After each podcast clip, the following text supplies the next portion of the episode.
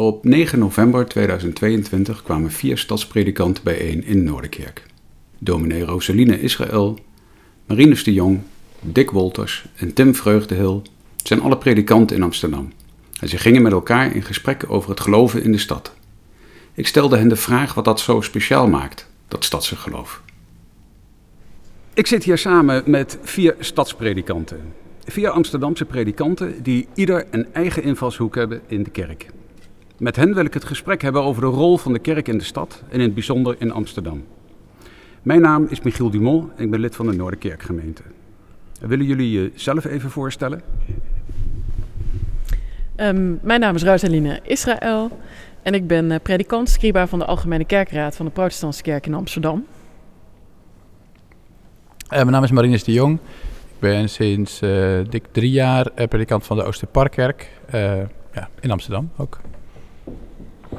Ik ben Tim Vreugdeel. Ik ben uh, predikant, meer dan 20 jaar inmiddels. Op dit moment actief als uh, kerkvernieuwer in de oostelijke binnenstad van Amsterdam, project Citykerk.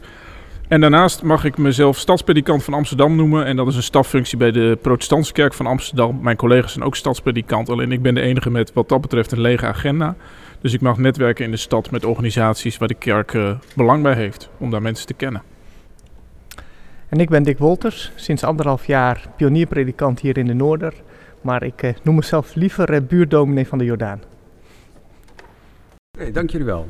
Um, ik wil beginnen eigenlijk met iets wat Marinus hier gezegd heeft. Jij preekte hier een paar weken geleden in de Noorderkerk. Ja, klopt. En je startte toen je preek met de opmerking dat de grandeur van de kerk, de volle banken, de macht tot het verleden behoort. En ik citeer: De kerk is klein en van weinig invloed, in Amsterdam tenminste, want de straten zijn leeg, niemand is op weg naar de kerk. Dat vind ik een boute uitspraak, uh, die ook een, beetje een gevoel van onmacht geeft. En ik ben wel benieuwd hoe juist de andere predikanten daarnaar kijken. Delen jullie dat idee dat de grandeur van de kerk aan het vervagen is? Uh, ik moet wel lachen, want het is, een, uh, het is eigenlijk een quote van, van Miss Kotte, dit. uit, nou, volgens mij ergens midden in de oorlog. De, dan quote hij bij uh, de bevestigingsdienst van dominee Buskens als missionair predikant, ergens in 1943 of zo. Quote hij dat de, op zondagochtend de straten stil zijn en de deuren dicht blijven. Dus mensen gaan niet naar de kerk. En uh, nou ja, dat vond ik wel een interessante, want het, dat, dat, was, dat was dus toen ook al zo. dat, dat mensen niet allemaal naar de kerk trekken. Dus dat vond ik al een mooie relativering ten opzichte van onze plek in de marge. Het is niet zo dat, dat per definitie in Amsterdam totaal anders is geweest. Andere relativering is dat het ook wel uitmaakt uh, op welke plek in de stad je volgens mij bent. Want uh, ik woon bijvoorbeeld zelf in Amsterdam Zuidoost. En daar zijn minimaal 150 kerkgenootschappen. Dus als ik op de fiets stap uh, om voor te gaan in Amsterdam, dan kom ik eerst door een stadsdeel waar mensen in hun beste zondagse goed in groepjes naar de kerk gaan. Dus dat is even mijn eerste, eerste reactie op deze uitspraak. Nee, en omdat het zoveel uitmaakt in welke wijk van de stad je zit, uh, voelt het inderdaad ook verschillend. Als ik hier naar de Jordaan kijk met 19.000 inwoners, waarvan er denk ik nou, een stuk of tien naar de noorden komen, ja, dan, dan voel ik de urgentie wel van deze uitspraak. Ja, en als ik nog iets aan toe mag voegen, ik ben op zich met, met jullie eens. Zeker ook jouw standpunt, Rosaline, dat het erg verschilt in wat voor stuk van de stad je zit. Maar ik zou wel de stelling durven verdedigen. Uh, fantastisch dat er minder mensen naar de kerk gaan, want dat geeft de kerk meer ruimte om naar de mensen te gaan. Dat, daar zit een, een, uh, wat mij betreft een wetmatigheid in. Als ik zie hoe wij als protestantse kerk, maar ook andere kerken, hoe ons de afgelopen, nou zeker tien jaar hebben ingespannen om creatiever te zijn, uh, meer mensen te bereiken. Dus, dus kerkgang is, is een ding en geen onbelangrijk ding. Maar ik denk dat als die kerkgang onder druk staat, de, de creativiteit van de, van de kerk gewoon groter is. Dat is in ieder geval wat ik zie. En de vraag is of kerkgang in het verleden ook altijd betekend heeft navolging van Christus bijvoorbeeld. Om een uh, element van christen zijn uh, te noemen die wel cruciaal is. Uh, iemand die noemt ook ergens theologisch dat misschien wel de secularisatie ook een kans is voor de kerk om weer terug te gaan tot haar wortels. En weer te gaan herontdekken wat het werkelijk betekent om christen te zijn. Omdat de lange tijd misschien heel veel mensen naar de kerk gingen uit andere soort belang dan uh, werkelijk geloof. Ja. Ja, ik moet ik nu even reageren. Dan moet mijn, uh, mijn, eigen preek verdedigen nu. Jij bent de aanstichter van de deze. aanstichter van deze. Ja, nou ja, even de andere kant. Hè. Een tijdje geleden hield ik ergens een lezing en toen um, ook over, over de kerk en betekenissen van. En toen heb ik juist even de andere kant. Hè. En, en je, je, je begint je inleiding altijd om dat je dan vervolgens de andere kant op kan gaan hangen in, je, in wat je daarna gaat zeggen. Je hebt in ieder geval de aandacht uh, gepakt ermee. Zeker. Maar die, eh, die lezing begon ik juist met. Uh, heb ik even gewoon statistieken naast elkaar gelegd van hoeveel mensen gaan er nou op zondagochtend naar een voetbalwedstrijd. Um, hoeveel mensen gaan er per week naar het theater, de bioscoop. En hoeveel mensen gaan naar de kerk. Dat, is, dat valt in het niet al die dingen bij elkaar opgeteld komen nog niet in de buurt van hoeveel mensen uh, iedere week naar een kerk toe gaan. Dus ook dat is echt wel een belangrijke relativering. En natuurlijk is het historisch, uh, dus ook, ook over, de, over de Gouden Eeuw, toen je naar de kerk moest, zeg maar, uh, zaten de kerken ook, nou als, je, als je gewoon gaat tellen van hoeveel huizen en hoeveel, hoeveel stoelen in de kerk, dat was waarschijnlijk ook maar 10% of zo. Of misschien ietsje meer, maar... Um, dus ik ben helemaal eens met je relativering. En, en ook dat het nou ja, niet per se slecht nieuws is. Um, als je mijn preek nog wat verder had geciteerd, was dat ook vanzelf langsgekomen. Inclusief de Belmen trouwens, die, die, die, was er ook nog. Ja. Heel goed, heel Maar het echt anders is. Ik woon zelf ook in de Belmen, net zoals Celine. En daar is het echt anders inderdaad hoor. Je, je, je fietst echt een andere wereld in. Um, ik heb ook wel eens gezegd, in de Belmer is de helemaal open op een bepaalde manier. Hè? Ook gewoon in de, in de uitingen van mensen op hun fietsen en op de, in, het, in het straatbeeld. Je hebt gewoon van die winkels, die heten gewoon nou ja, weet ik veel, Jesus, nog wat. Weet je, het is daar gewoon. Dat is echt een, echt wekelijks uitnodiging in mijn brievenbus uh, om Jezus te gaan volgen en wat me daarbij zou helpen en wat me dat op zal leveren. Het is echt totaal anders. Dat is heel hoopvol ook en uh, dat, is, dat, is, hartstikke mooi. Um, maar goed, dus alle, alle relativeringen zijn ook helemaal terecht en historisch was het ook zo. En, en het, nou ja, het... Uh, nou ja, het, het, het, ik deel ook helemaal wat jij zegt, Tim, dat het ook gezond is voor de kerk op een bepaalde manier. Dus die, die positie van, die positie van macht die de kerk altijd had. Nou, dit is een, dit is een, een, een klassieke punt inmiddels in de theologie geworden. Van, uh, ja, het heeft gewoon ook heel veel positieve uh, kanten. Ook wel negatieve, uh, denk ik, maar zeker ook positieve. Ik zou dus heel graag om het hoekje kijken. Juist deze week zijn de, de Nederlandse bisschoppen zijn op het Ad Limina bezoek in Rome. Volgens mij één keer in de zeven jaar of zo. Dan, dan gaat een kerkprovincie op bezoek bij de paus en de, en de bisschoppen hadden zeven jaar geleden natuurlijk al dramatische cijfers. En dat is, dat is nu nog dramatischer, hè? schrijven kranten dan. Ja, ik, Weet, ik weet één ding zeker, dat zo Franciscus dan niet uh, gaat zitten zuchten van man, man, man, zeg maar. Die, die heeft natuurlijk toch dan een idee wat er misschien wel zou kunnen. Dus ik ben eigenlijk heel benieuwd wat, wat die bisschoppen, in misschien nog wel een lastige positie dan wij, wat die van hun voorman te horen krijgen. Uh, nou, misschien komt dat gewoon wel op de Vaticaanse site. Laten we eens even kijken. Ja, ja. Ik zou het graag willen horen ook. Ik, ik denk, ik denk dat ze op een bepaalde manier onderuit de zak krijgt. Zeg maar. Dat zou ook, misschien ook. Het is misschien wel goed. Ja. ja. ja. Is, is daar nou een verschil tussen iets in de stad of in het platteland of een dorp? Een aantal van jullie hebben ook in dorpen uh, zijn voorgegaan. Zie je daar een verschil dat het hier minder is of anders is? Nou, ik denk op een bepaalde manier is in het dorp de concurrentie van het aanbod van uh, verdieping, zorgen voor jezelf, zorgen voor je ziel aan de ene kant. En ook het aanbod op ja, meer het cultureel-historische kant van, uh, van het christendom, denk ik, is op een dorp veel kleiner. Dus ik denk dat wij hier in de stad, en dat leer ik ook wel van, uh, van mijn collega Tim, denk ik. Um, ja, we zijn allerlei aanbieders op dat gebied. En daar concurreer je mee, hoor ik jou altijd zeggen.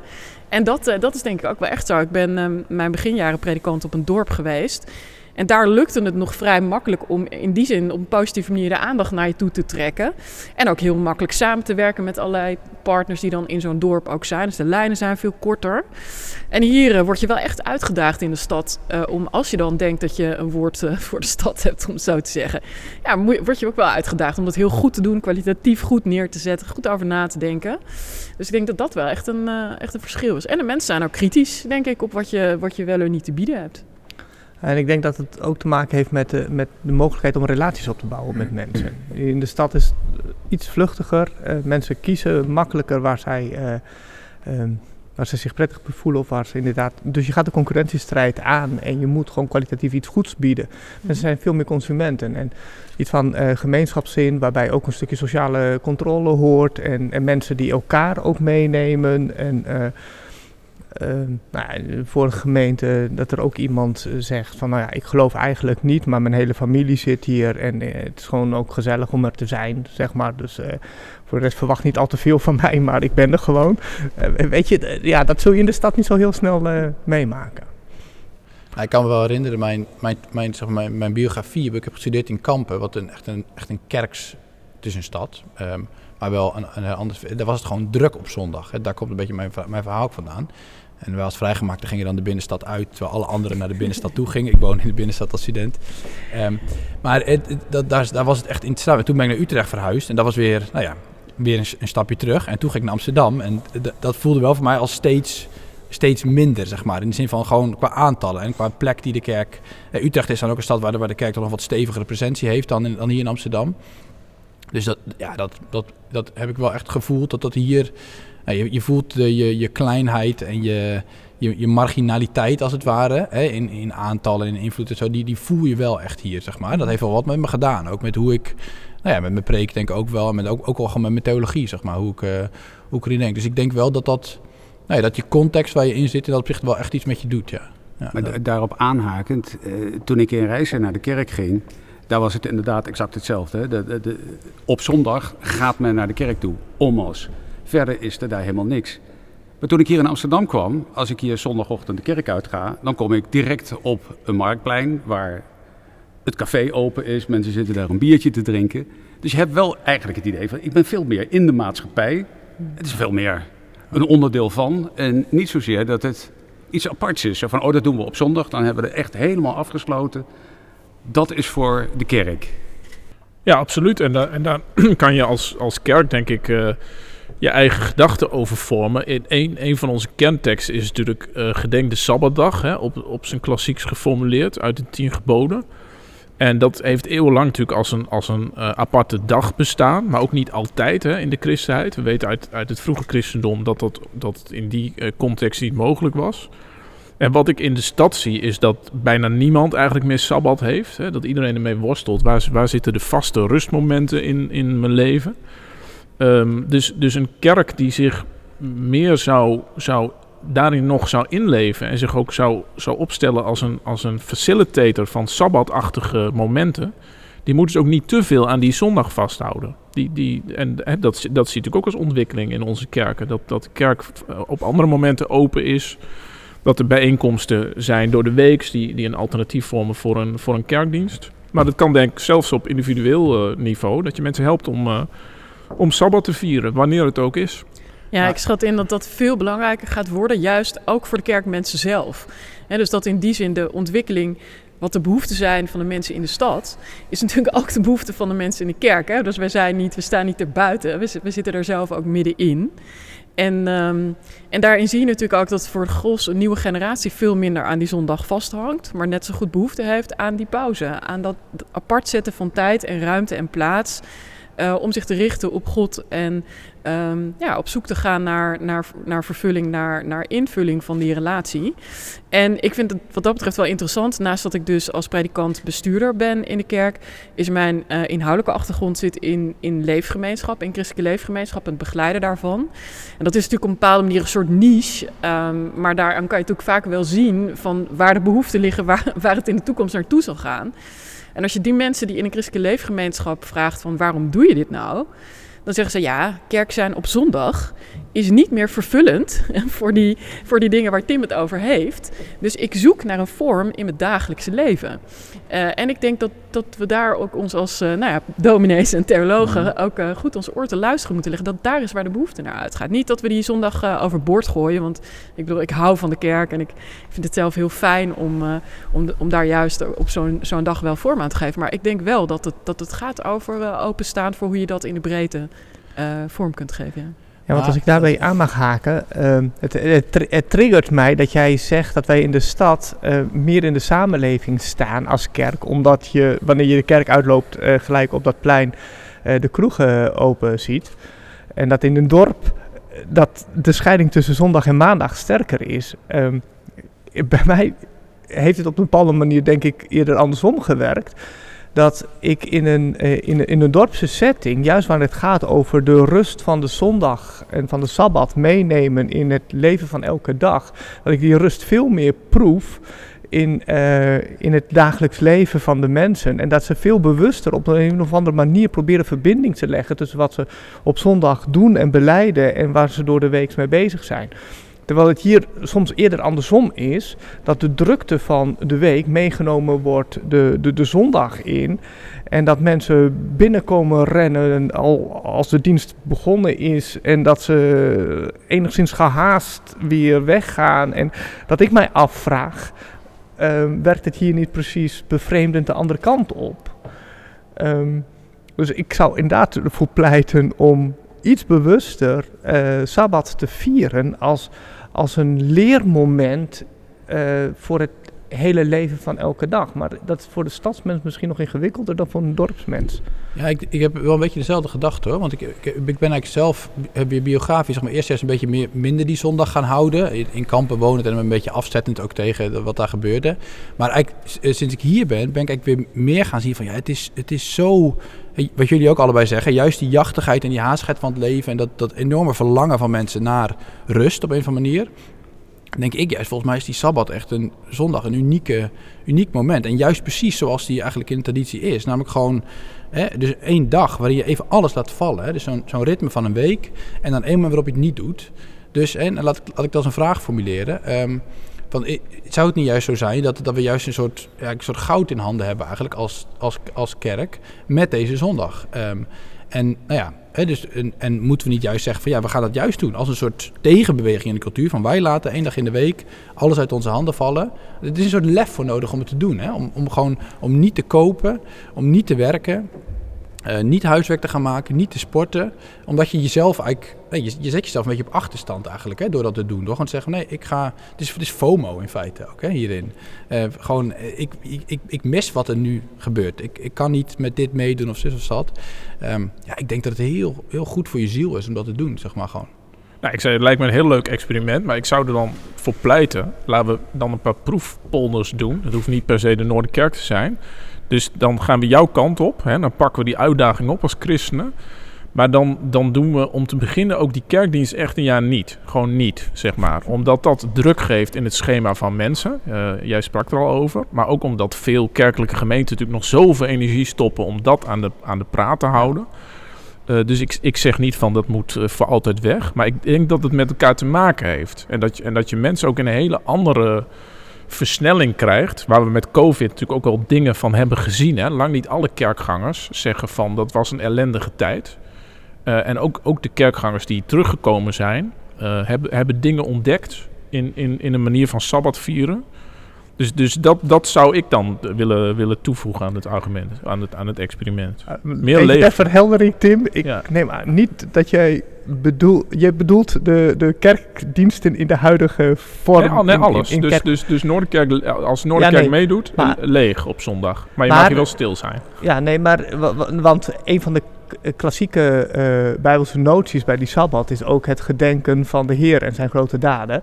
Dus ik zou wel een vorm van verstilling uh, willen ja. bepleiten wat, daar, wat dat mogelijk maakt. Daar ben ik het helemaal mee eens. ja, maar dat, maar hè, we zitten niet voor niks hier in een mooie podcaststudio in de Noorderkerk. Dus het, het faciliteren van mensen om daar iets mee te doen daar hebben we denk ik uh, minstens een aantal alternatieven voor... die een collega van ons 100 jaar geleden niet had. Want dan moest je daar staan om mensen te bereiken. Nu heb je in ieder geval meer tools in ik vind, het, uh, ik vind het wel een aantrekkelijk experiment. Ik denk dat we duidelijk moeten zeggen dat het een experiment is... voordat alle luisteraars heel zenuwachtig gaan worden. En ik denk eigenlijk om twee redenen...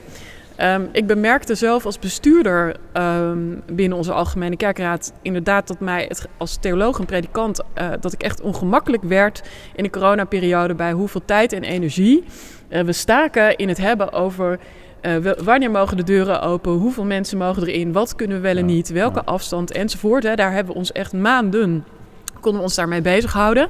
Terwijl ik dacht, uh, is dit nu echt antwoord geven aan onze roeping? Ja.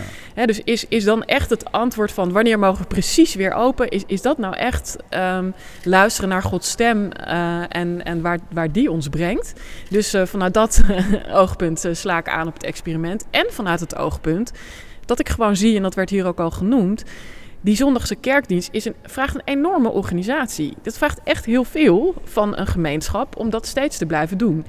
Aan de ene kant is het mooi, want het is ook de verbinding van mensen met elkaar en met iets bijdragen aan iets wat, wat je zinnig en belangrijk vindt. Aan de andere kant, ja, soms moet je, moet je ook wel echt even kritisch willen kijken naar... Uh, is dat dan echt uh, waar je tijd, je aandacht en je mensen die er zijn en die er nog zijn... want we begonnen dit gesprek bij die marge, ja. uh, in willen zetten. Dus ik, ik ben wel voor het experiment om deze vragen ook even te laten landen en doordenken. Als ik daar uh, nog iets uh, aan toe mag voegen, ik, uh, het raakt me wel en het raakt me ook om, omdat het iets te maken heeft met ook de visie die je kunt hebben op de kerk. Wat, wat, is kerk? En nu denken we kerk vaak in hele massieve termen. Ehm, Heer, stuur zelf het schip der kerk. nou ja, dat is een enorm kolossaal schip. En kunnen wij ook een beetje zoals, zoals Paulus, wanneer hij in met dat schip in de storm zit, zich niet langer bekommeren om het schip. En denken, nou dat schip gaat toch ten gronde, dat vergaat. En wat is dan onze roeping? En hoe kunnen we gewoon simpelweg brood breken, daarvan delen, God groot maken in gebed en gericht zijn op de redding van de mensen die op het schip zitten. En daarmee het schip verder eh, aan zijn lot overlaten, zeg maar niet omdat ik, dat ik geloof of dat ik ervan overtuigd ben dat het schip zoals we dat nu kennen en dat uh, ten dode is gedoemd en dat we dit laatste feestje 400 jaar nu voor het, het laatste, feestje, het wordt. laatste feestje wordt en dat het dan klaar is.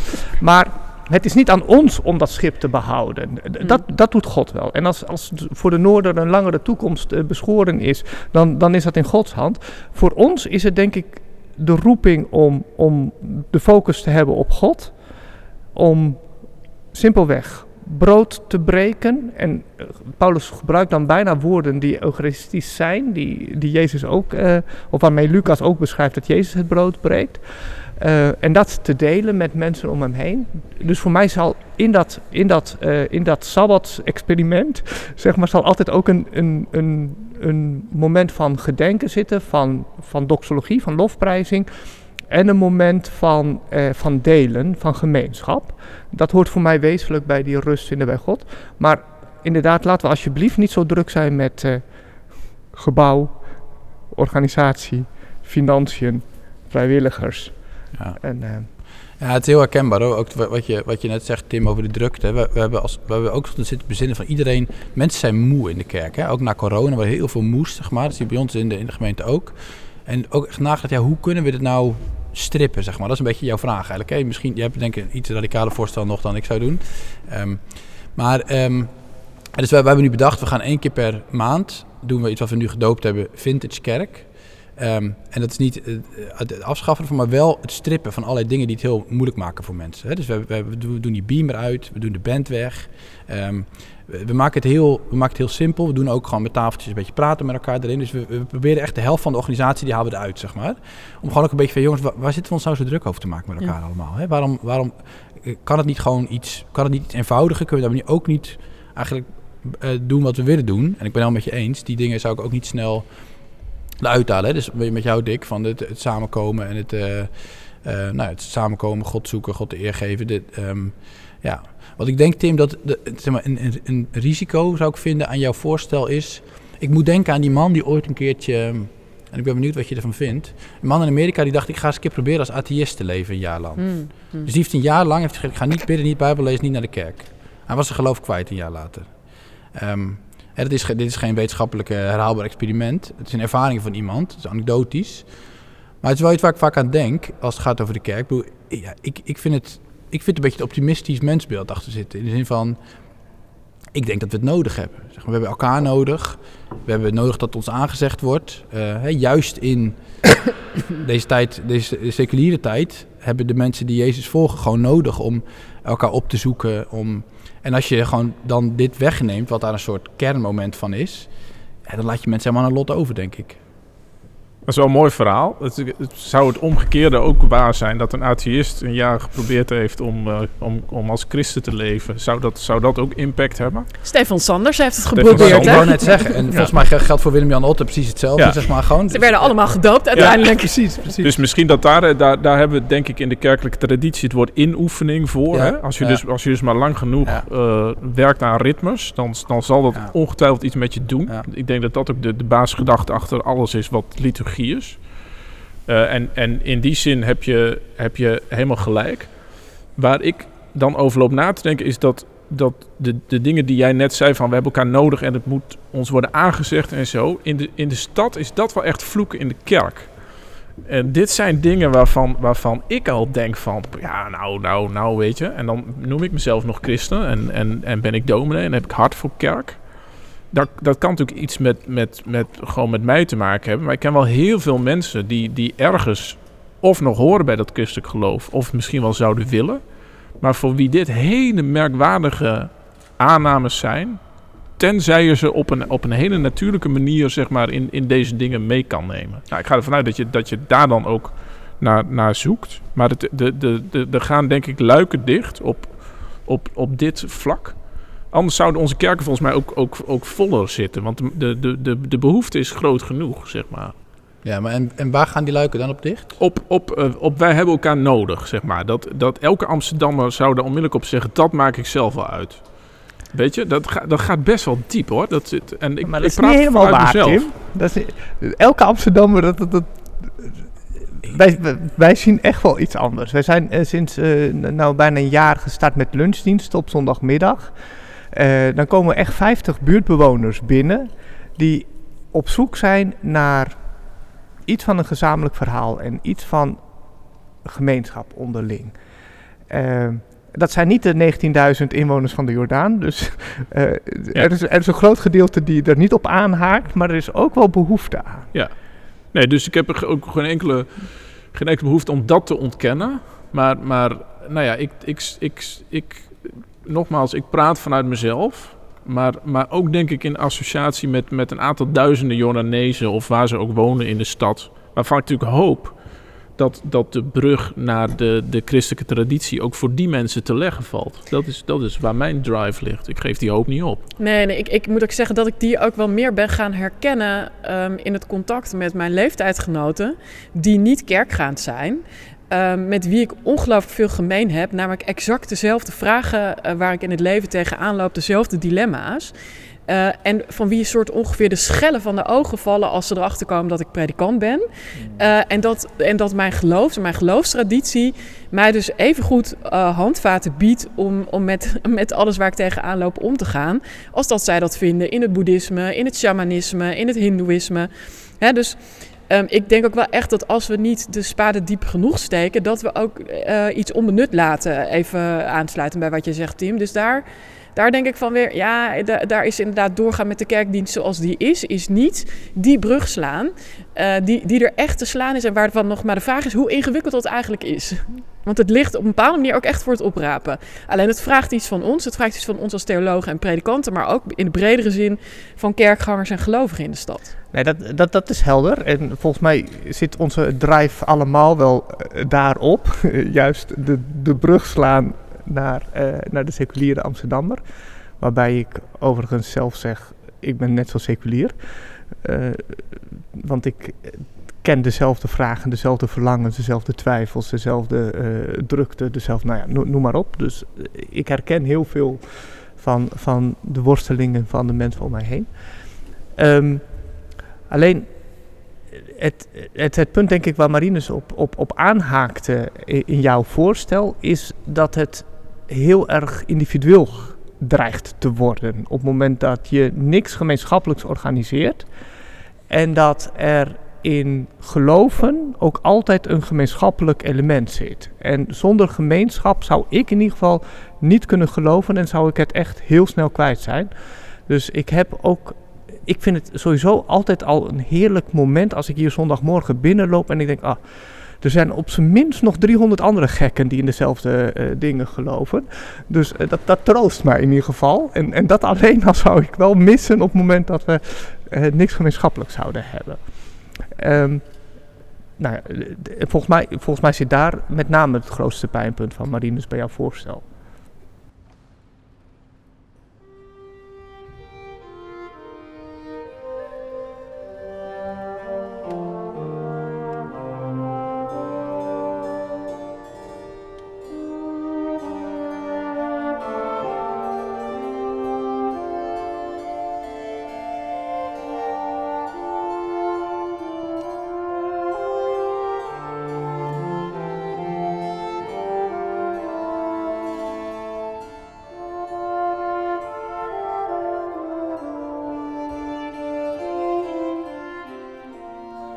En het is ook de vraag of het, als het de hele geschiedenis al zo is, zoals we net zeggen, dat, uh, en dit is een theologisch punt, hoor, maar de hele geschiedenis al zo is, dat eigenlijk maar een klein deel van de mensen naar de kerk toe gaat, moeten we dan het feit dat dat niet zo is, onze agenda laten bepalen? Begrijp je, begrijp ja. je vraag? Ja. ja. Dus ik ben ook een beetje huiverig om te zeggen van ja, het feit dat hier in Amsterdam heel veel mensen niet komen, dat is een reden om het helemaal stoppen wat we doen. Ik denk dat het heel, dat vind ik een heel aparte redenering eigenlijk. Ik bedoel, ik, ik, ben, ik, ben helemaal met je eens, Tim, dat het, bedoel, hè, dat de, um, die, het feit dat die mensen er zijn, dat is een heel grote. Hè, dat, is, dat, is, dat is, is iets enorms voor de kerk. En daar moeten ze ook iets mee, zeg maar. Hè? helemaal, zeg maar. Um, maar ik weet niet of de reden moet zijn om, zeg maar, de, de boel te stoppen of om te gooien, zeg maar. Dat, vind ik, dat, dat, is, dat is, ik denk juist niet, zeg maar. Het is een reden om om vol te houden en door te gaan, zeg maar, wat je aan het doen bent. En natuurlijk ondertussen na te denken en ook dingen te veranderen en, en om te, nou ja, maar dat, juist dat element van, nou ja, van volhouden, van bewaren en van doorgaan. Um, is, ook, is ook een ander verhaal, is van een, is ook is een beetje gevaarlijk, gevaarlijke metafoor ook hoor. Um, van een, een orthodoxe uh, priester die in, in ik, ik meen dat het in, in communistische uh, tijden was, die gewoon in zijn leven zeg maar, gewoon nou, ergens was en gewoon um, nou, op een gegeven moment niet meer mocht doen en er was ook niemand meer. Maar hij is gewoon doorgegaan, jarenlang, met uh, de liturgie, zeg maar. En uh, op een zeker moment uh, begonnen er weer mensen te komen, zeg maar, naar zijn liturgie toe. En als hij was gestopt, dan, uh, ja, dan waren, hadden die mensen er ook niet meer bij aan kunnen haken. Maar snap je het beeld? Ja, het is een risicovol beeld hoor. Ja. Het, kan ook, het kan ook een pleidooi voor conservatisme worden en de kop in het zand steken. Dat is helemaal niet waar ik heen wil. Maar ik, ik ben soms een beetje bang voor de andere kant, zeg maar. Dat we met dat argument van, nou, eh, we zitten, het zo seculier, niemand komt meer. Dat we gewoon denken van, nou, we moeten, het moet allemaal anders, zeg maar. En dat we daarmee, nou ja, een, een vergissing begaan. Nou, en daar zit, daar zit ook theologisch denk ik iets in van zeg maar, een soort incarnatietheologie, waarin de kerk een, een, een plek inneemt in de samenleving. Ook uh, namens, een beetje in een soort priesterfunctie uh, namens God in de samenleving en namens de samenleving voor God. Ja, precies. Um, ik vond het heel bijzonder toen ik hier uh, net predikant was. Uh, een ouder gemeentelid sprak ik en we hadden het over het Onze Vader. En dat gemeentelid zei, als ik Onze Vader bid, dan besef ik dat ik dat niet alleen namens mezelf bid, maar ook namens deze stad waarin zoveel mensen zijn die niet God hun Vader noemen. En toen dacht ik, wow, dit, dit, is een inzicht die zou ik niet zo snel in het dorp waar ik vandaan kwam eh, horen. Uh, maar hier in de stad hoor ik hem wel. En dat, dat vind ik heel bijzonder, dat je ook iets doet namens de stad. En dat er dus een waarde in zit in de liturgie, waarin je de stad voor Gods aangezicht brengt of zo. Ah, dat roept bij mij heel erg op um, de associatie met de functies van kloosters en, en kluizenaars. Hè? Ook, mm -hmm. ook het voorbeeld wat jij noemt, uh, Marines. Um, en, en de vraag die daar natuurlijk ook achter ligt is hoe uh, ziet de toekomst van de christelijke traditie eruit? Hè? Dus hoe dragen wij die, ik noem maar gewoon nu even wij, hè, hoe dragen wij nou mm -hmm. met elkaar die, die traditie de toekomst in? En ik denk dat het experimenten waartoe Tim uitnodigt, juist ons daar gaat brengen.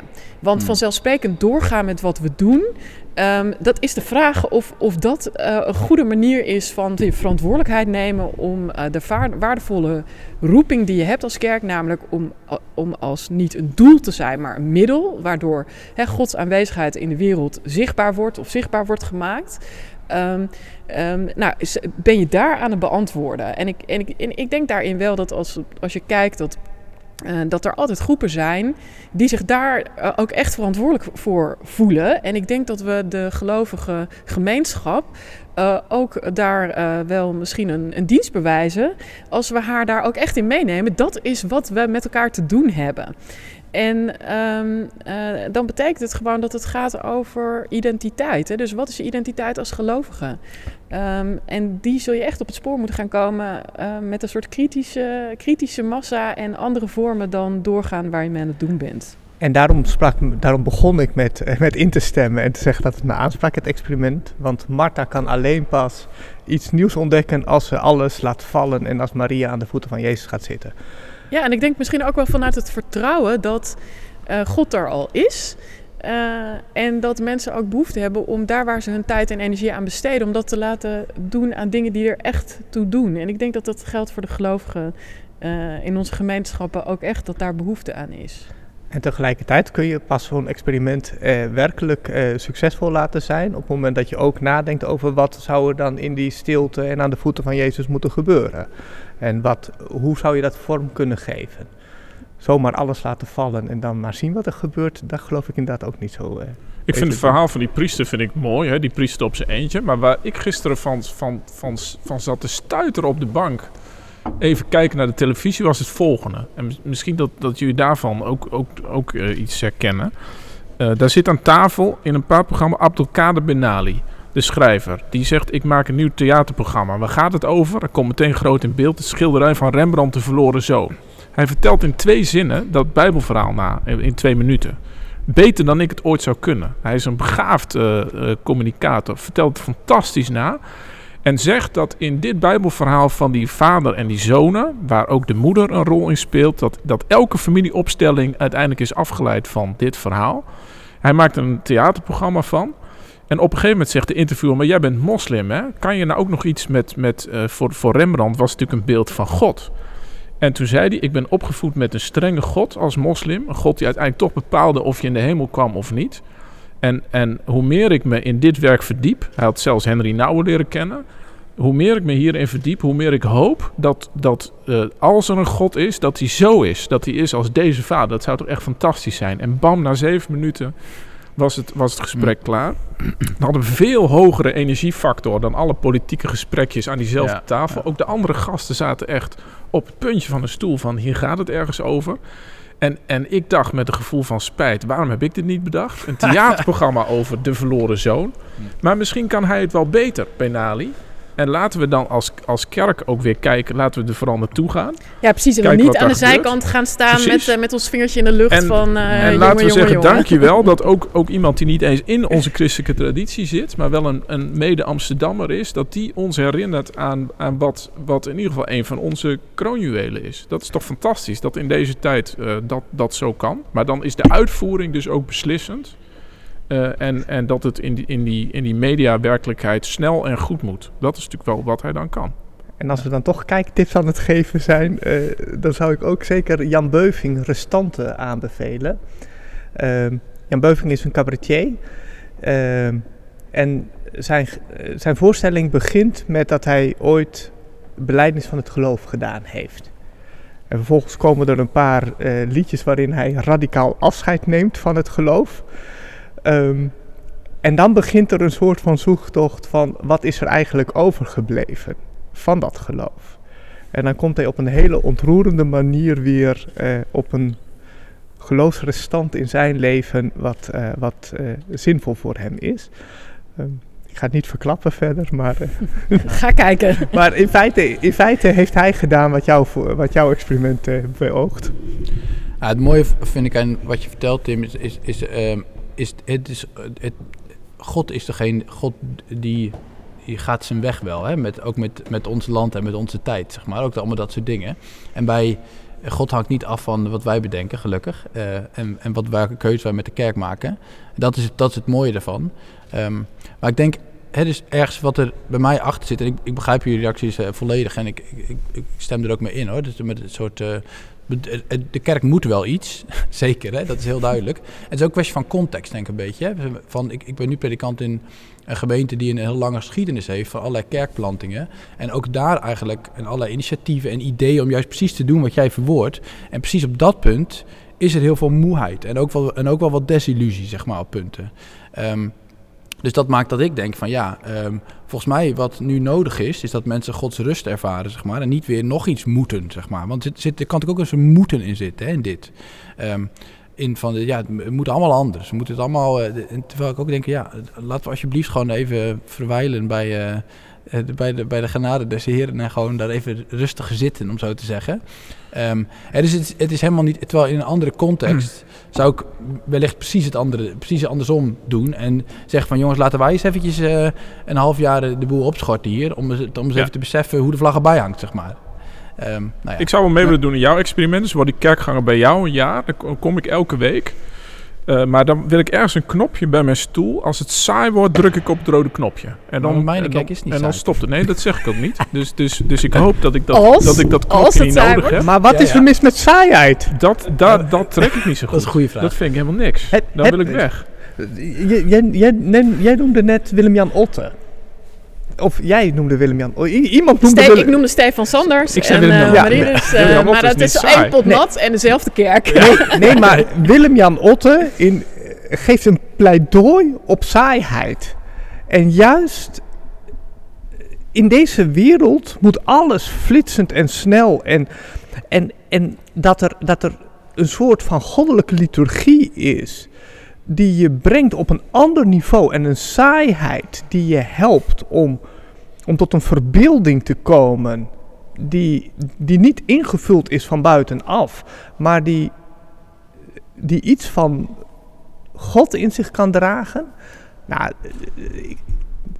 Ja, maar daarvan Ja, zou ik wel willen zeggen van... Ik, zoals Willem-Jan Otte het beschrijft, kan ik het niet. Maar we, we leven in een vrije stad, dus iedereen mag zijn, mag zijn mening hebben. Dus deze, deze mening Dus ook. jij Maar ook. ik zou Dick toch, mag ook een mening hebben. zeggen dat, dat de, de, de, de, de verleiding voor een dominee, zeg maar, om, om, dan, om dan saaiheid van een hogere orde te gaan, te gaan eh, cultiveren. En Laten we maar even bij Willem-Jan Otte, be- eh, tot Willem-Jan Otte beperken, want die heeft het dan gezegd.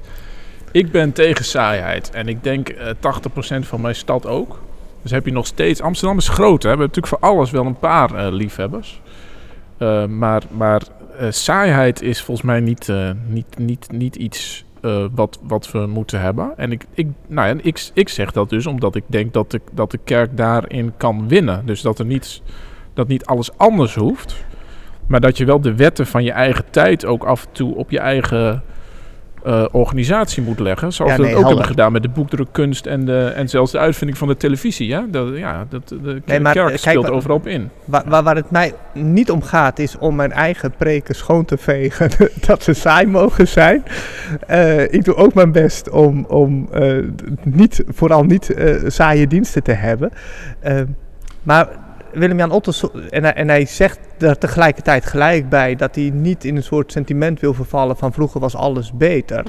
Maar hij herinnert zich momenten als kind waarin hij zich verveelde en waar ehm, zijn moeder niet die verveling ging opvullen met, eh, zoals we tegenwoordig doen, met schermpjes of met, eh, Met wat dan- TikTok. met- of met TikTok of met wat dan ook.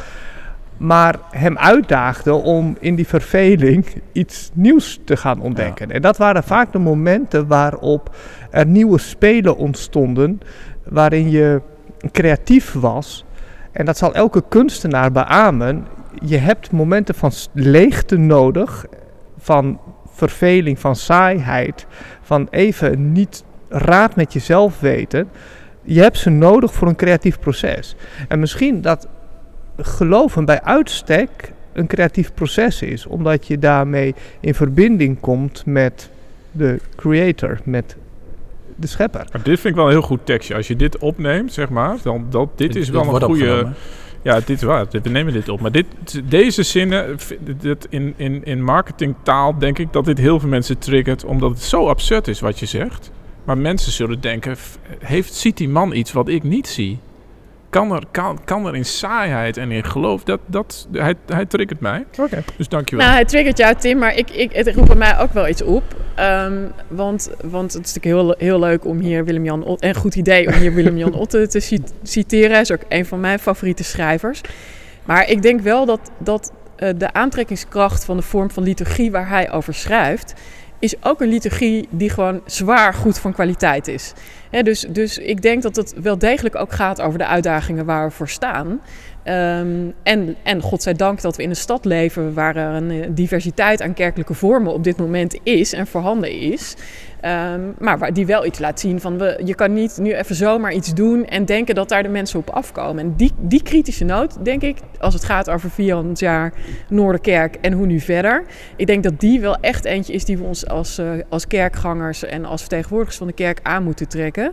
We, het gaat ook over kwaliteit hierin. En dat is ook echt liturgische kwaliteit. En dat is ook kwaliteit in aansluiten bij de context en de stad die er is. Ehm, en, en het roept bij mij nog iets op. als je kijkt naar de geschiedenis van de kerk, dan zie je altijd beweging van de mainstream en beweging van de kritiek daarop dus, dus bijvoorbeeld dus kloosters uh, en andere gemeenschappen die ontstaan naast de mainstream van geloven. Uh, omdat zij iets voelen van, van wat de eigenlijke opdracht is en de eigenlijke uitdaging is. En ik denk dat we nu ook een beetje weer in zo'n periode zitten. We, in dit gesprek voelen we ook mhm. dat het trekt verschillende kanten op. Ja, ja, uh, van traditionele vormen die, die, die heel goed zijn, maar die wel dan echt heel goed gedaan moeten worden. Maar ook echt van het afschudden van ballast. Ehm, die ons echt in de weg staat om de connectie met de stad uh, te maken. En dat maakt het ook wel een super mooie tijd, denk ik, om 400 jaar Noorderkerk te vieren en uh, te, te, te, gaan voelen, te gaan, gaan aanvoelen van waar ligt de, de uitdaging dan. Wat je zegt triggert me enorm, want uh, ik denk dat liturgie moet gewoon kwalitatief goed in elkaar steken. En, en tegelijkertijd dat, dat roept dan iets op, maar je moet daar ook wel ergens een soort van antenne voor hebben. Uh, ik was laatst uh, bij de Russisch-Orthodoxe Kerk hier in de Jordaan. Heb ik een dienst van drie uur meegemaakt in het uh, Oud-Slavisch. Ik, verstond er, ik verstond er niks van, maar ik vond het magistraal om mee te maken. Um, maar tegelijkertijd zie ik niet voor me welke Jordanezen ik daar naartoe mee ga nemen en die hetzelfde gaan meemaken. Ergens omdat ik liturgisch gevormd ben, kan ik, kan ik dat meemaken. Maar ik dus ik herken ook wel de pijn.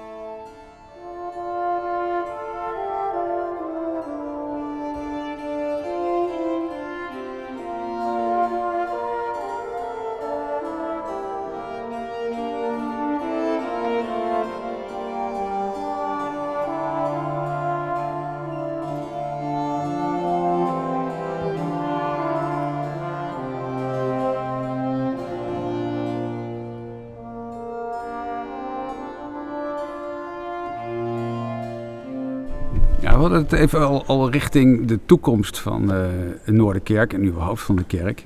Uh, wat, mij opvalt in Amsterdam is de enorme drukte die we hebben in allerlei dingen die we organiseren. Uh, allerlei bijeenkomsten. Er is, wij zitten nu hier in de, in de kerkzaal. In de Koopmanskamer is iets bezig. En in de Noorderkapel is ook iets bezig. Dus er zijn nu drie activiteiten tegelijkertijd.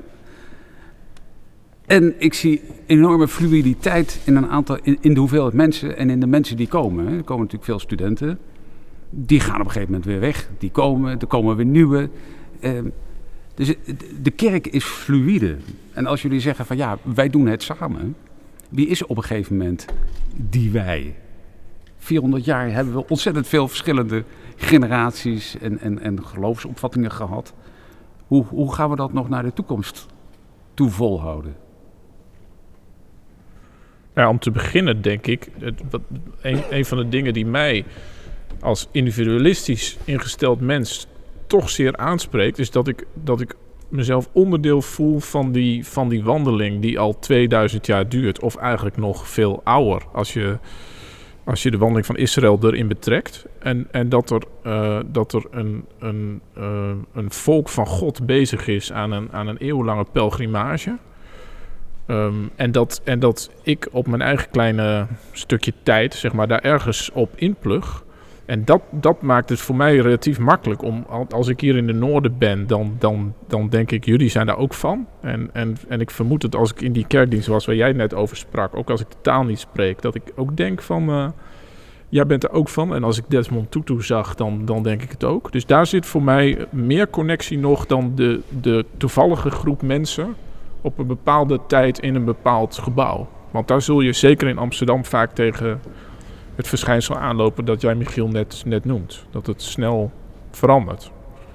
Dus daar zit voor mij iets onder nog. Iets, iets dat de dragende grond is. Ja. ja, en dat heeft voor mij ook geholpen om een, een bepaalde ontspannenheid te hebben in, eh, in de ontmoetingen die ik uh, hier heb. Um, omdat heel veel ontmoetingen die ik heb met mensen in de, straal, in, in, in de stad uh, vaak eenmalig zijn of, of heel vluchtig zijn. En um, waar je in een, in een dorp veel meer een relatie opbouwt en ze in laat groeien in jouw kerkgemeenschap. Het beeld van dat je samen onderweg bent als volk eh, ergens en dat je ergens inplucht op die weg, geeft ook het beeld met, je, met zich mee, draagt ook het beeld met zich mee dat ik nu even samen met jou oploop. En dat jij misschien morgen met iemand anders oploopt. Ehm, maar dat het ook niet allemaal hoeft te gebeuren in onze ontmoeting of zo. En dat onze ontmoeting waardevol is voor dit moment en voor het stukje weg wat we nu samen oplopen. Ehm, en het kan dus ook even uh, missionair gezien zo zijn dat iemand uh, ergens in de stad al een keer een christen heeft ontmoet en daardoor uh, even van wat vooroordelen verlost is en een moment later ergens anders aanhaakt en nou ja, een Bijbel meekrijgt, noem eens wat. En dan hier de Alpha-cursus gaat doen. En dan uiteindelijk ergens anders gedoopt wordt. Weet je, het gaat niet meer over welke kerkgemeenschap je bijhoort. Of God gaat zijn weg met ieder mens. En wij gaan met elkaar samen onderweg. En we treffen elkaar eventjes op die weg. Um, dus dat geeft me die, in, in alle fluiditeit en alle dynamiek en, en alle mensen die voorbij komen en weggaan en alle diverse activiteiten. Uh, ik heb ooit nog een, een cursus uh, gedaan bij Tim en die gebruikte het beeld van, het beeld van een ecosysteem. en juist de diversiteit van een ecosysteem zorgt voor de levensvatbaarheid ervan. Ehm, en op dit moment hebben mensen even hier in de noorden een plek, maar misschien later ergens anders. Nou, prima. Ja, ik vind dat ook wel herkenbaar wat je zegt, Dick. En ik denk uh, vanuit mijn rol uh, komen op de vraag van jou, Michiel, in elk geval twee dingen op. Um, ik, um, ik heb heel veel ecumenische contacten, hè, dus via de, Raad van, via de Raad van Kerken Amsterdam onder andere, waar ik ook uh, vertegenwoordiger ben vanuit de Protestantse Kerk Amsterdam. En ik heb veel interreligieuze contacten, onder andere met het Veiligheidspact, waar we om de tafel zitten met vertegenwoordigers van, van verschillende religieuze groeperingen in de stad.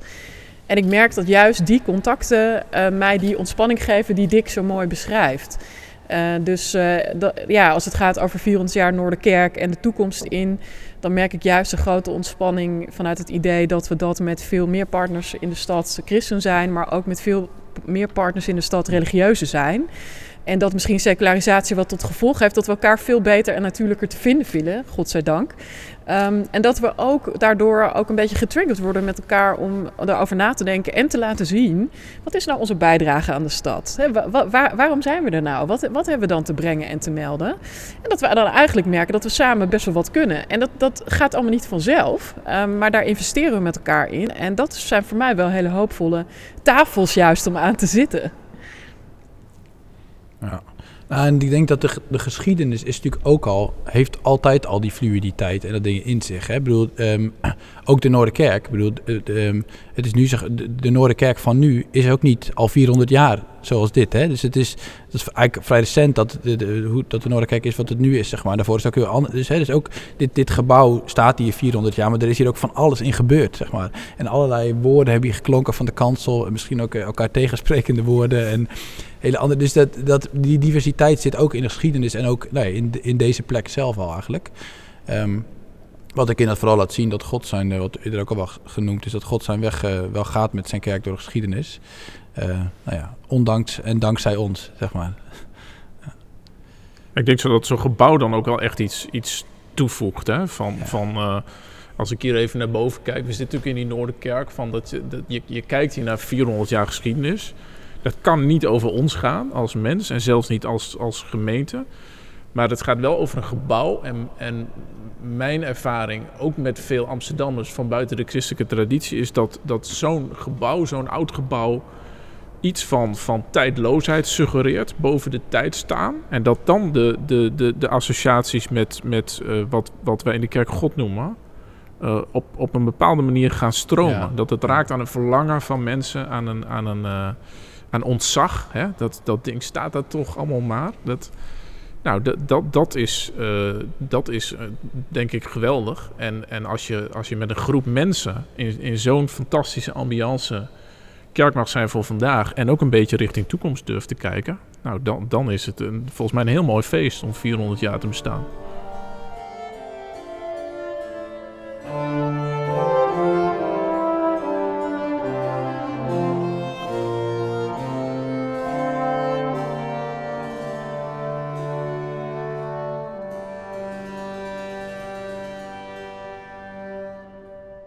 Veel, veel wijkgemeentes die eh, merken we dat die een eh, regionale toestroom hebben. Ik merk dat ook hier in de Noorderkerk. Mensen komen van ver buiten Amsterdam om naar onze kerk te komen. En is dat nou een, een soort stadse aantrekkingskracht die we hebben? Of hoe, hoe moeten we dat duiden? Dat mensen bereid zijn om ver te komen reizen naar deze kerk toe. Dat is niet iets van de Noorderkerk. Hè? Dat zien we ook in de Westerkerk, Oude Kerk. Meerdere kerken hebben dat. Is, is, is er iets van een stadse aantrekkingskracht? Absoluut. Als ik in de, ergens diep in de provincie zou wonen, zou ik zeker uh, uh, regelmatig naar Amsterdam komen. Nee, dat is natuurlijk gekkigheid. Maar Amsterdam als stad heeft aantrekkingskracht, denk ik, op heel veel mensen in Nederland. Veel Nederlanders komen hier een paar keer per jaar op bezoek. En dat, en dat geldt ook voor, uh, voor de kerk. Ik denk dat, dat allerlei mensen in het land zich met een van onze protestantse wijkgemeenten of een ander type kerk in de stad uh, verbonden voelt. Um, het, het, lijkt me uh, voor, voor kerken heel goed om na te denken over uh, wat, wat, wat ze daar zelf weer aan kunnen hebben. Hè? Wat, wat, wat, wat kun je aan die mensen ontlenen? Aan, aan financiële support, maar ook andere vormen van support. Um, dus ik, ik zou daar een creatief model van, van lidmaatschap op, op zetten. En ook wel eerlijk zijn over, heb je nog voldoende Amsterdammers in de zaal? Dus uh, leuk dat er allemaal mensen zijn, maar als, dat, als, dat, als er echt een minderheid uit Amsterdam komt, dan zou ik ook uh, zeggen, uh, gemeente, hoe ga je dat veranderen? Want er schijnen hier een miljoen mensen te wonen en daar, dat, dat zou toch wel onze prioriteit moeten hebben. Wat ik, wat ik zie daarvan als bestuurder zeg maar, van de Protestantse Kerk Amsterdam, um, is dat je merkt dat um, bij gemeentes uh, ja, wel langzamerhand nu het bewustzijn ontwaakt. Uh, wat de waarde van het gebouw in die zin ook is. Hè. Dus dat is natuurlijk in onze protestantse theologie is dat gebouw eigenlijk niet echt iets. Hè. Dus de, de, de kerk, dat is de gemeenschap. Um, het zijn de mensen samen, dat zijn de ambten samen. Terwijl je ziet eigenlijk dat zo'n gebouw een verwijzende functie uh, heeft. Hè? Dus daarom komen ook die mensen die verder niet iets met een kerk hebben, wel ook als toerist, als bezoeker van de stad, zo'n gebouw binnenlopen. En daar begint wel nu wat meer bewustzijn voor te komen binnen de, binnen de wijkgemeente, merk ik. Alleen dat is dus best wel een lastige tegelijkertijd. Want uh, die uitdaging die jij neerlegt, Tim, die wordt dus wel ergens gevoeld. Hè? Van die mensen komen naar ons toe. Uh, tegelijkertijd, um, ja, voor het kerk zijn op zondag uh, van, uh, is het, dat is dus een, eigenlijk bijna soms een gemeenschap apart ten opzichte van wat er van de rest van de week in dat gebouw gebeurt. Uh, dus als het een historisch gebouw is, komen er misschien toeristen, bezoekers. Als het een, meer een wijkgebouw is, dan zijn er bijvoorbeeld allerlei diaconale activiteiten waar mensen op afkomen.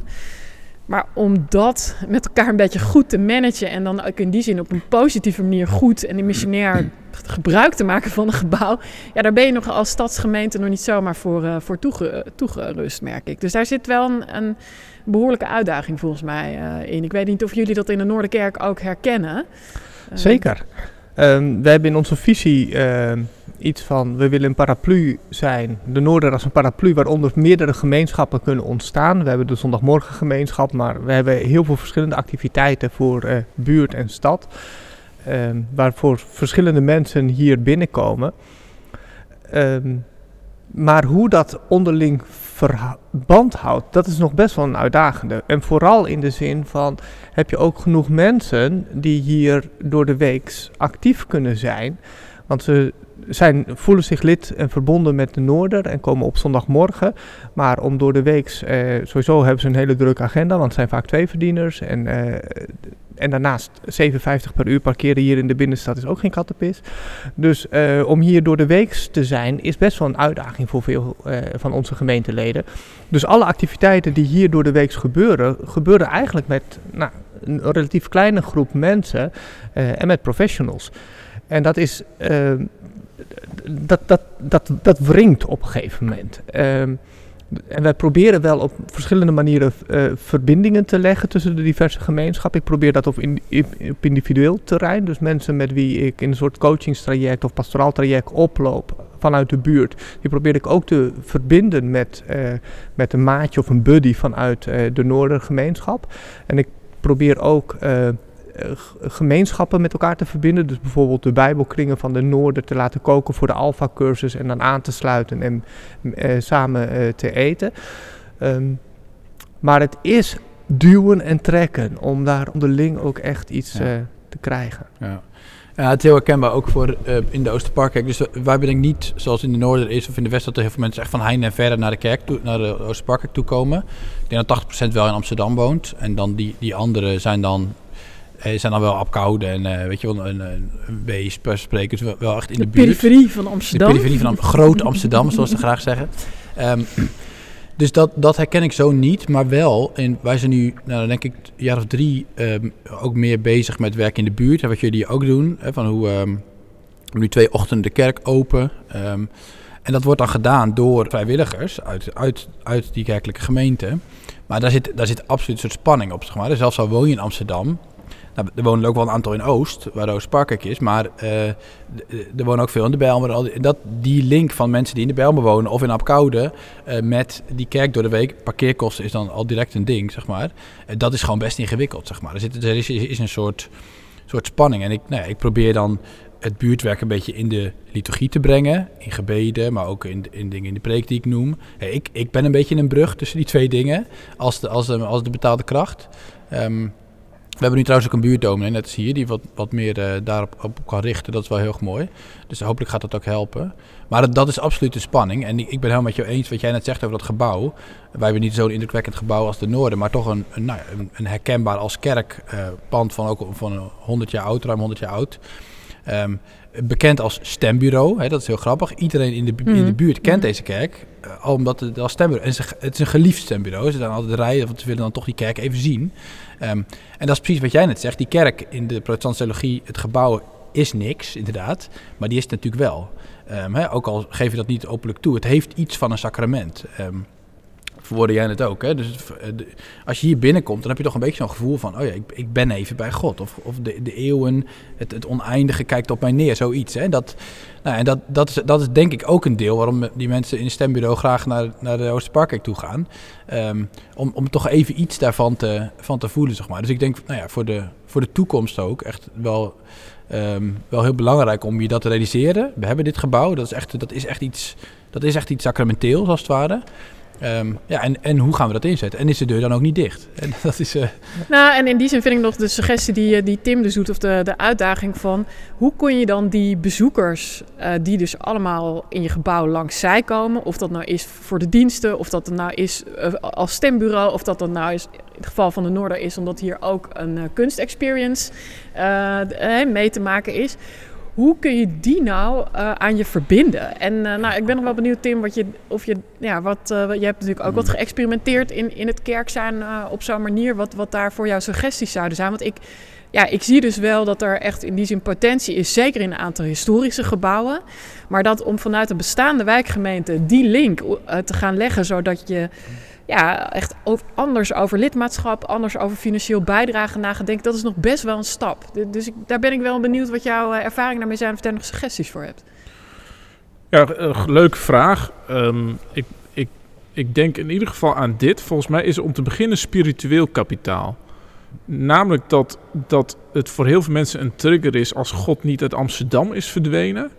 Dan zou die wel eens kunnen bestaan, hè? zeg ik maar even, even plat Het gezegd. goddeloze Of dat nou Amsterdam? Nou, seculier of christelijk. Dat, en Ja. dat lijkt natuurlijk wel een beetje waarop, waarop, waarom Paulus in, in, de, in de begintijd van het christendom per se in Rome iets wilde beginnen. Dat was natuurlijk ook on, ondenkbaar. Hoe, hoe kan je daar nou? Dus, dus daar zit iets wat, wat wij hier doen, meemaken.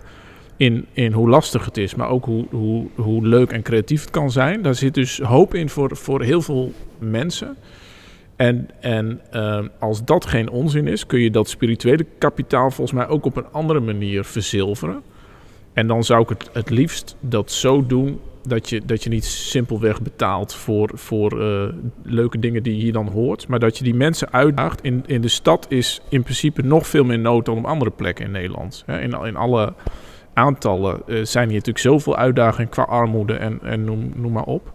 Als je dus heel veel van zeg maar, mensen in het land die ergens een link willen houden met de Amsterdamse kerk, kan motiveren om, om, om gul bij te dragen aan de middelen die wij hebben om direct de stad te bedienen.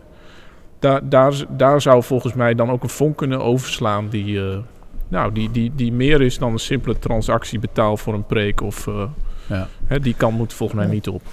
Mag je daar, eh, in, feite zijn we daar als Noorder ook al wel een beetje mee bezig. In de zin van, uh, sowieso hebben we hier een, een winkel, een sociale onderneming, samen met Scharlaken Koord, waar vrouwen die uit de prostitutie willen een leerwerkplek kunnen krijgen.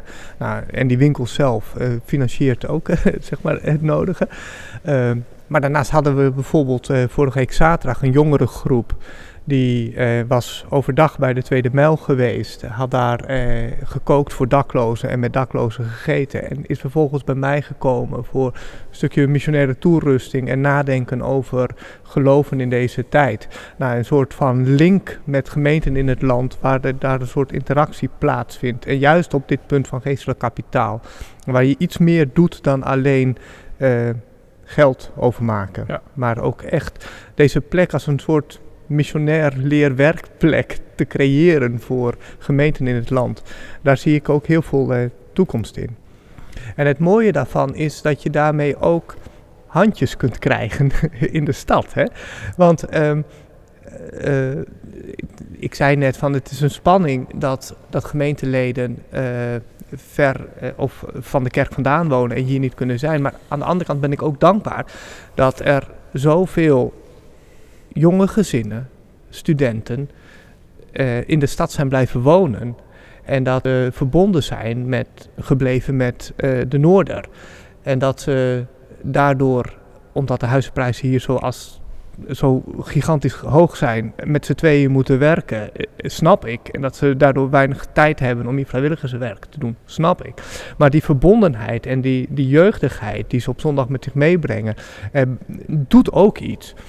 Dus uh, het, het, het, moet ook twee kanten opwerken. Dus uh, dankbaar voor de mensen die hier zijn. Nou ja, als we dan niet in hen ook door de week vrijwilligers kunnen krijgen, hoe kunnen we dan op een andere manier uh, het werk hier vormgeven?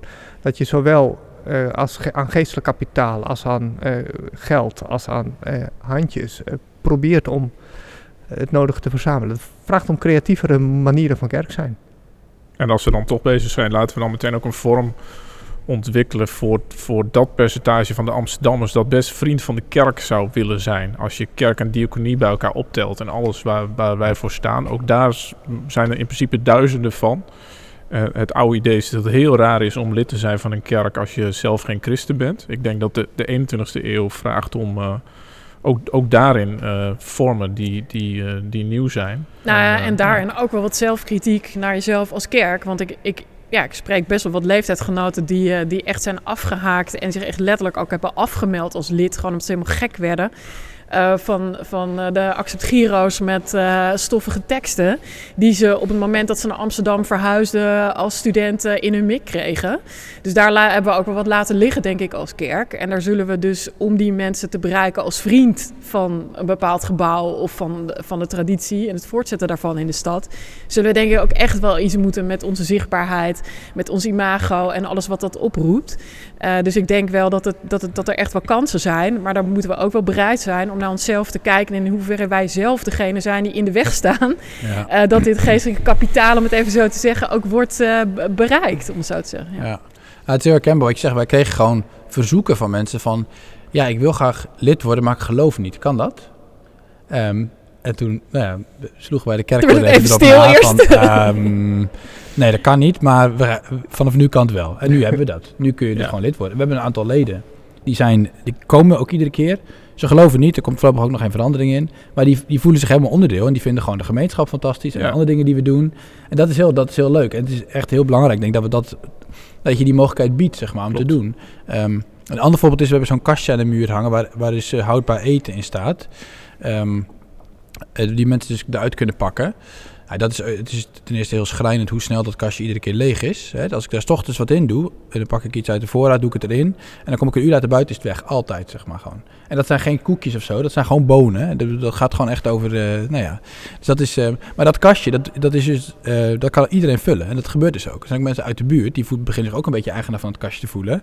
En die vullen hem ook, zeg maar. Ik zie ja. soms mensen met een tasje komen, dingen erin stoppen, zeg maar. Ik kan het van mijn kamer zo net zien.